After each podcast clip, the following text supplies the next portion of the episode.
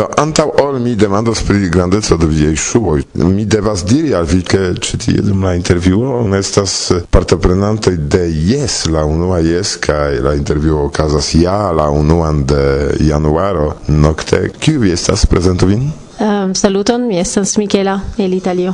Kaj mi estas Robĉo de Svedio. Kaj mi estas Belonia el Francio konataj voĉoj por vi ŝajne kaj ili ankaŭ havas demandojn eh, por Guillaume do estas kvazaŭ ĵurnalista konferenco nuntempe. Do bonvolu prezenti kara. Uh, mi tre ŝatus si kiel influas uh, Esperanto via muzikon. Do ĉu en la temoj aŭ ĉu en la stilo? La temoj.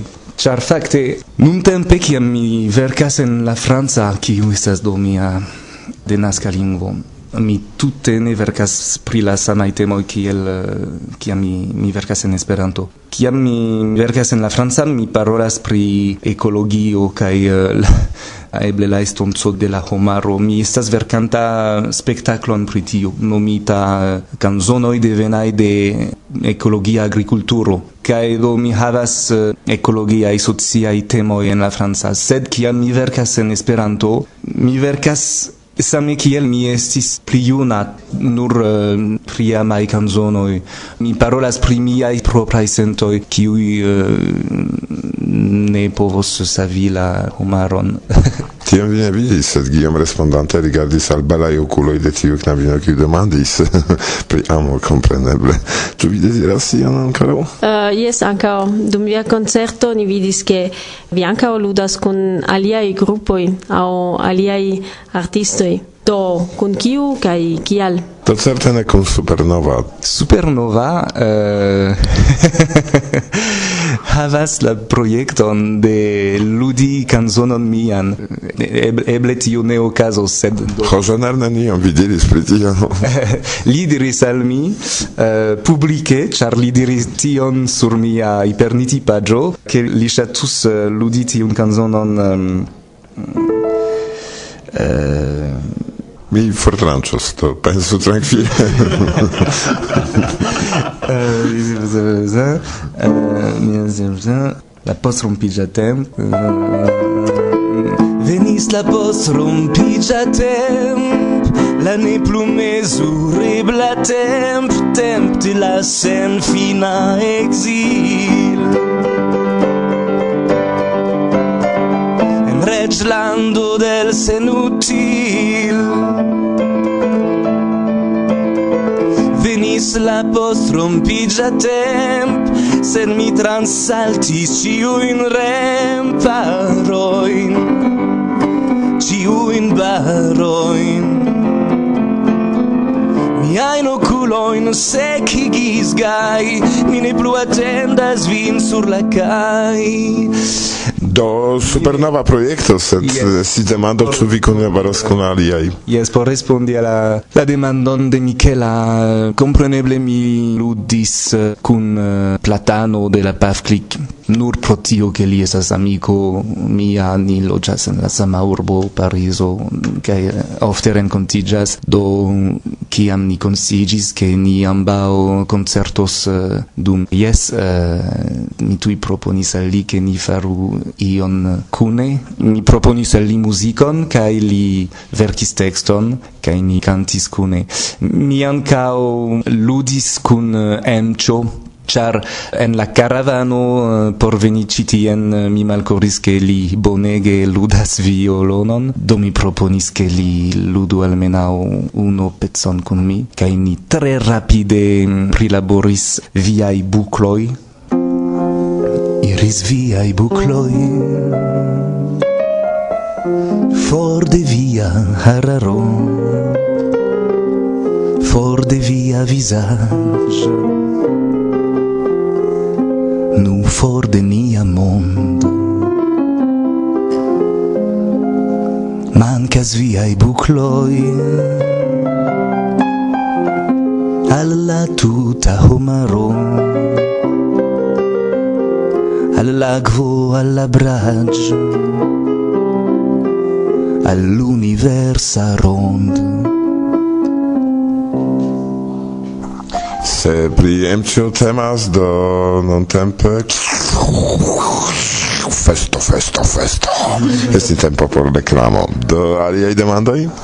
Nu, yes, do, ni jam priparolis emete la textoin, eh, ciu, do, kiu esas via ideo pri componado, ciu eh, senta o forma, ciu io alia esas la plei grava por vi?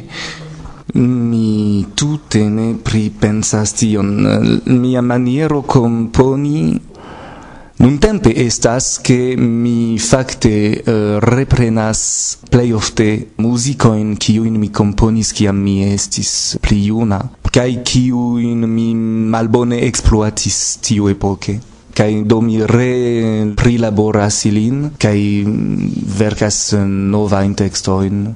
Kai ili tre tre tre mal malrapide fixigas char eh, kiam mi verkis tiu in muzicoin estis gvaza u mine niam fixis la muzikon kai ciam improvisadis ti eh, ĉiu foje kiam mi ludis mi, mi niam ludis de la sama maniero kaj eĉ neniam provis eh, uh, fixi la aferon.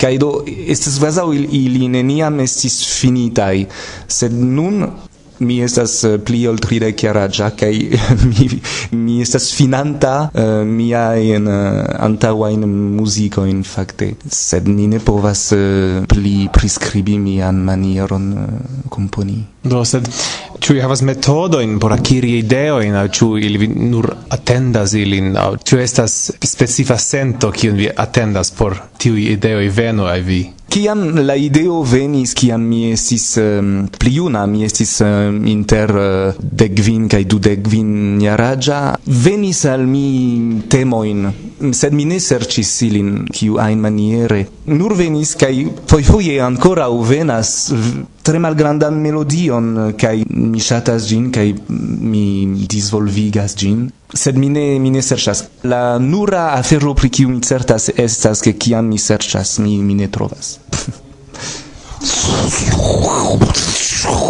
Reklamo. Kiel uh, fama artisto, ĉu vi jam havas do ĉemizon de la Pafklik? tio estas uh, captila demando. Uh, yes! Kiom ĝi kostas?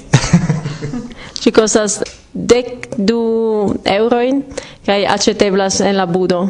Do mi faros mian propran toĝemizon kaj donos ĝin al eh, platano kaj uh, jes ni interŝanĝos kian pianon vi ŝatas, ĉu tiun rektan aŭ tiun pli grandan Steinway, ĉu vi ŝatas havi vian dorson al la publiko al de la publiko?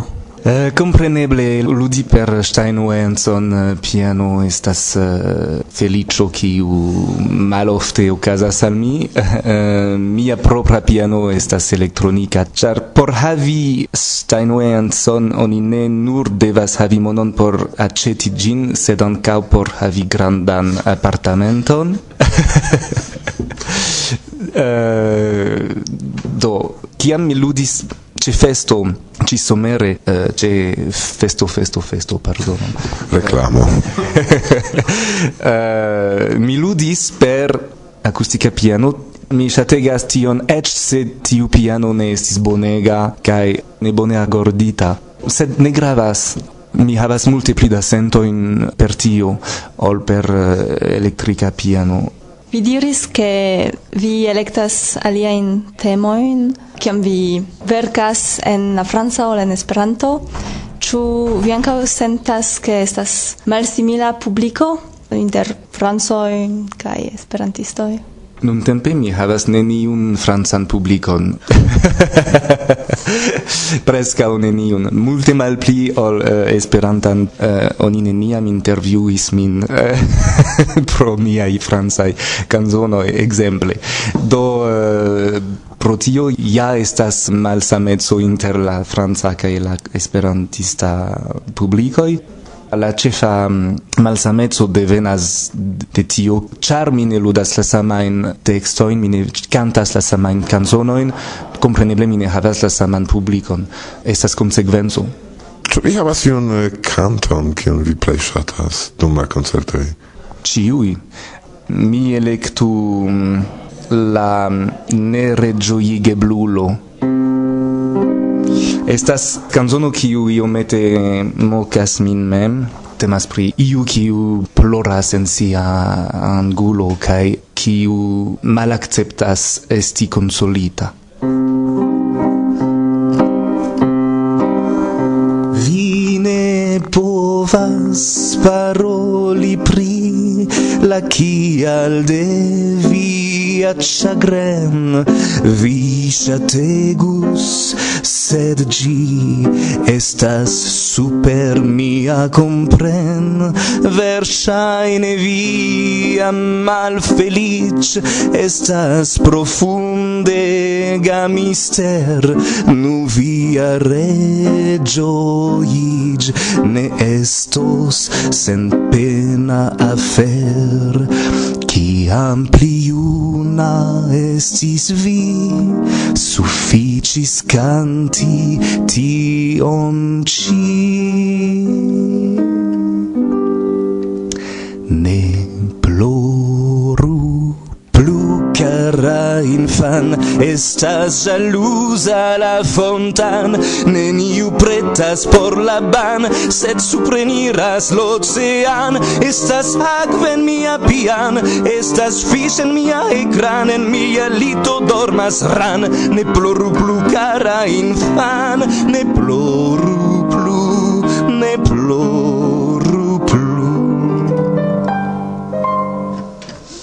Ĉu vi havas iujn demandojn al Klaro Karaj?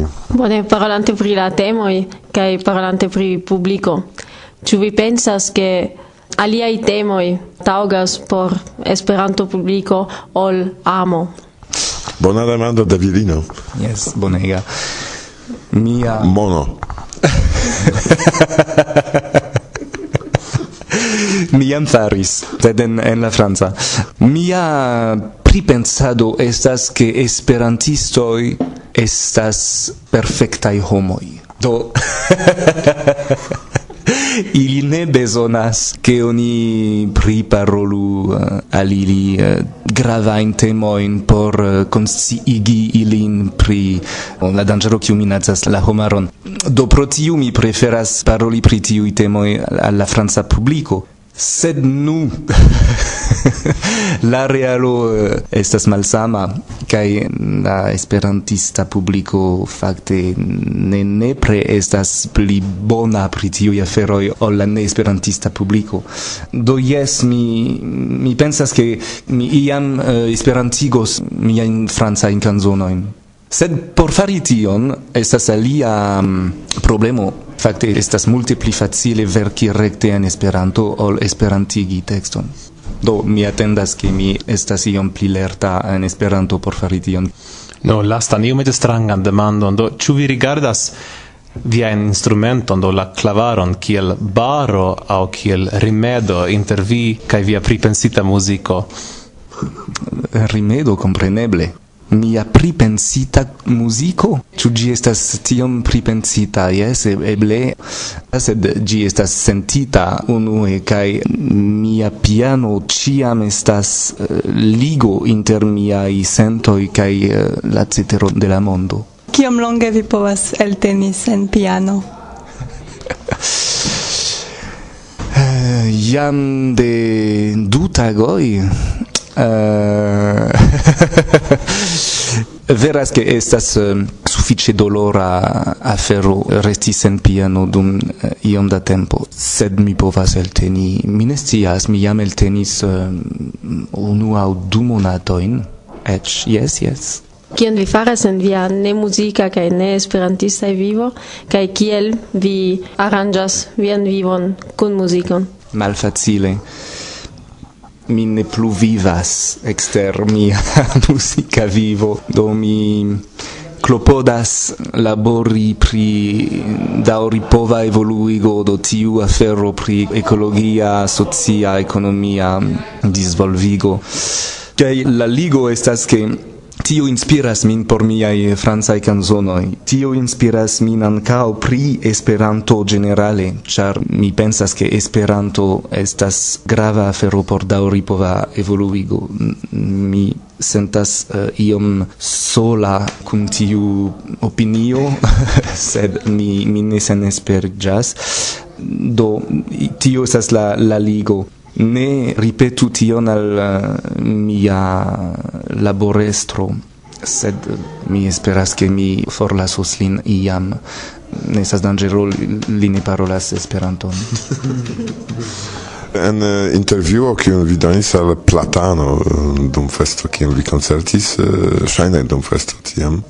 vi jam messagis ion al esperantistoj kaj tiuj kiu regule aŭskultas rajtas reveni kaj aŭskulti vian mesaĝon por la mondo por la movado. Sed eh, tiam eh, estis fragmentoj de via koncerto sub via voĉo Kai ne estis okazo ion dediĉi speciala al la aŭskultantoj, do vi nuntempe rajtas saluti tutan mondon kaj dediĉi al ĉiuj iun specialan kanzonon.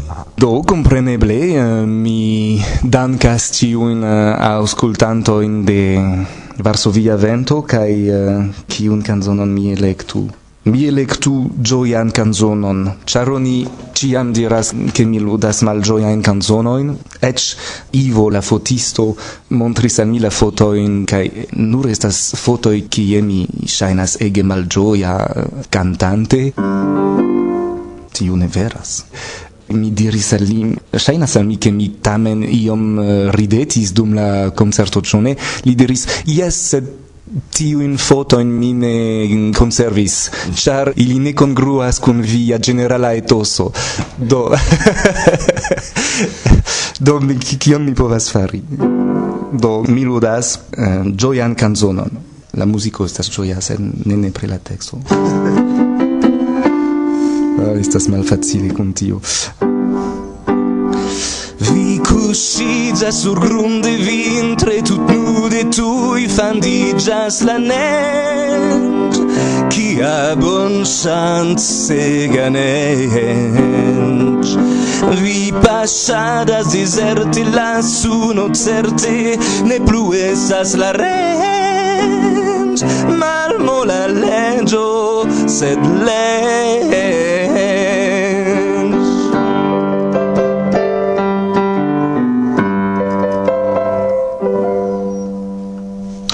Koran dankon France vi povas ion diri al vie mikro i auskultantoj Esperanto kultura estas mikso de ni ĉiuj, ĉu ne? Do saluto France vien ĉiuj geamikojn. Mes chers amis, mes chers compatriotes.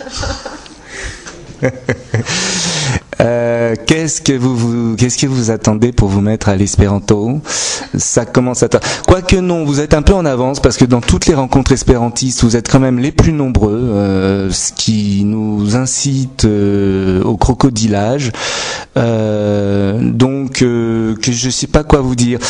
Euh, bah, écoutez mes chansons issues de l'agriculture biologique et puis euh, mes chansons en espéranto et puis sur ma page Hypernity vous trouverez les traductions et je vous aime et vous êtes super gentil. yes, do mi ankaŭ eltenis sufiĉe multe. Kiun uh, numeron de ŝuoj vi havas?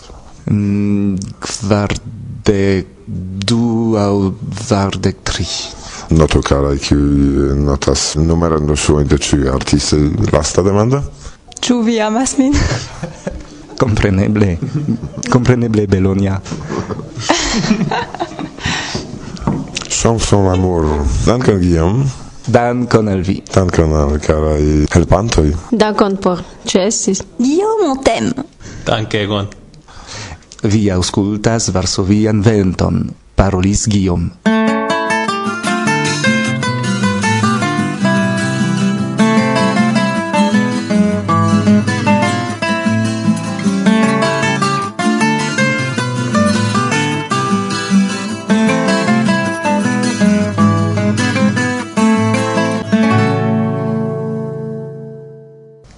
tradukos stultan poemon por Varsovia vento.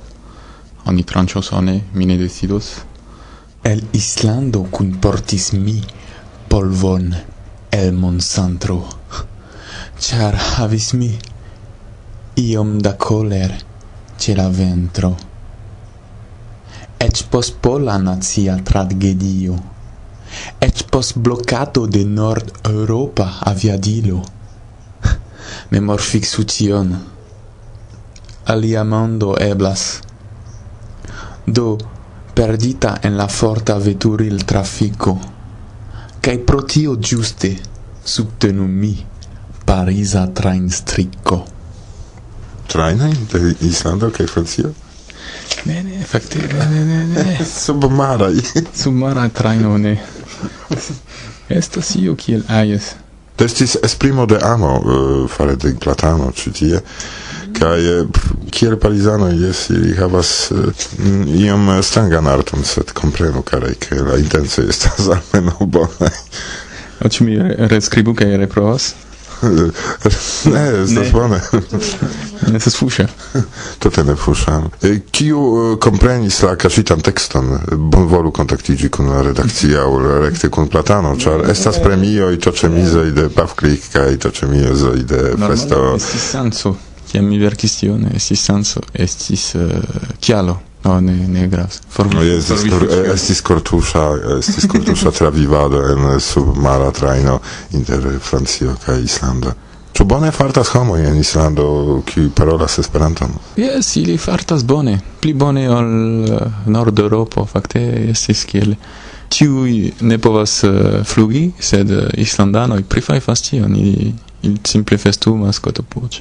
por ili estas tute tranquila afero kaj mi parolis pri tiuj kiuj parolas esperanton en islando kiel ili fartas ah ili eh, kiel bonaj esperantistoj eh, pli festas ol la aliaj islandanoj do ili eh, fartas bonege kaj des pli ke estas multe fakte estas kvar junaj esperantistoj tie? qui plus mal plus représentent presque 1% de la population, ce qui est mal multi de homoï en Islande, très, très familier rondo l'ando. Individuellement, oui, en Islande, Esperanto Floras, qui procente jam atingas suficient niveau. Et il crée un uh, eh, nouveau groupe, c'est un uh, eh, groupe de la bière humado de Islande. Eble, uh, se mi successus uh, preni kion mi registris, vi, vi cios pli pri tio. Aha, aha. En la mondon venis nova sento, ankaŭ en mia animo estas bona sento, mi salutas vin amikojn el la klubo Varsovia Vento. Kaj jen ĉion hodiaŭa elsendo, en kiu ŝajne vi sufiĉe multe da muziko aŭdis. Adiaŭas vin en la pariza studio de Varsovia Vento. Platano. Goska. Martusia. Kaj Irek. disse a trabalhava Araudo.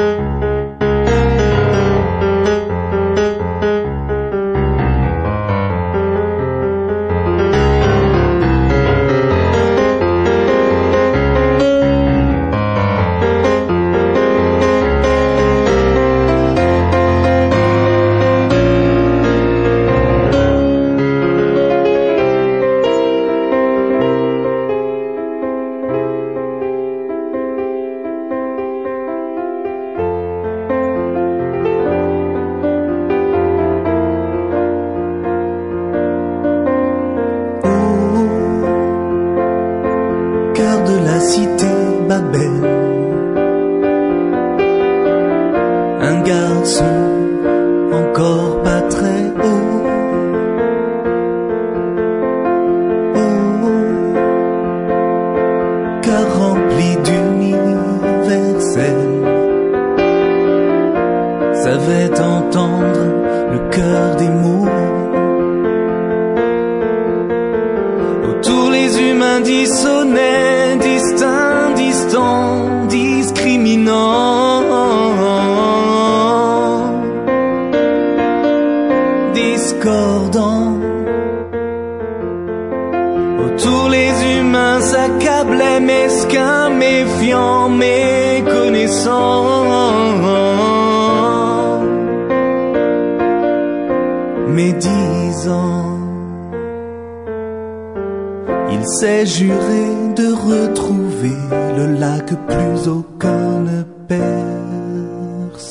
vais.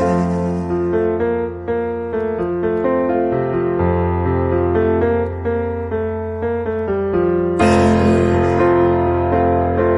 fouilla les ruines de Babel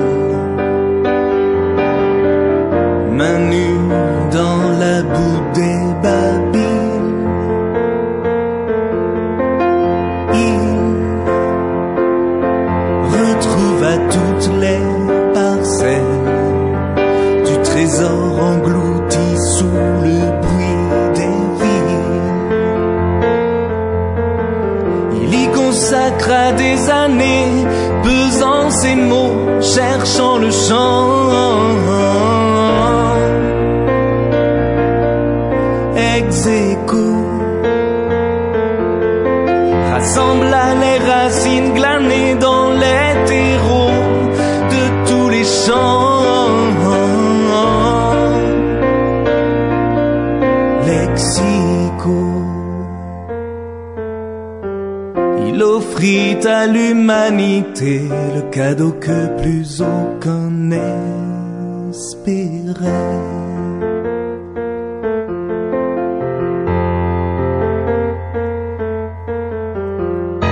T'a-t-on dit comme aujourd'hui? C'est dangereux les utopies. T'a-t-on traité de rêveur? C'est impossible un monde meilleur. T'a-t-on chanté toujours la même strophe? Le refrain qui mène à la catastrophe. Le paradis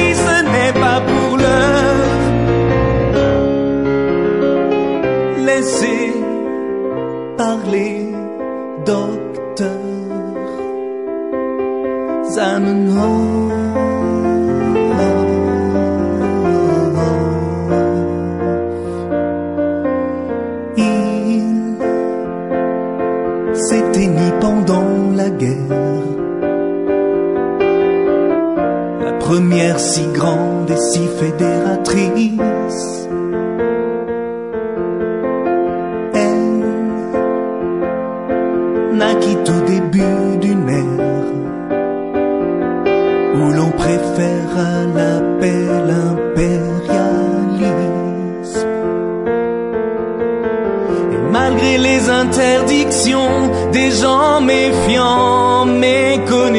méconnaissants,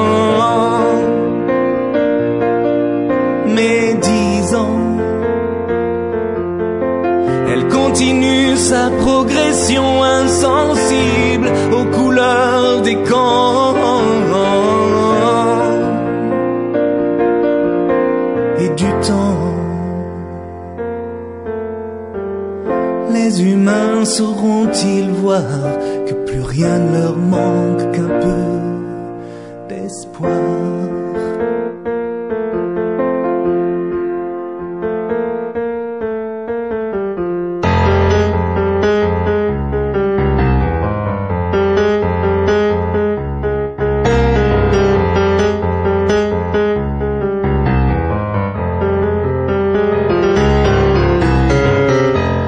T'a-t-on dit comme aujourd'hui c'est dangereux, les utopies. t'as tantôt traité de rêveur C'est impossible un monde meilleur. T'a-t-on chanté toujours la même strophe Le refrain qui mène à la catastrophe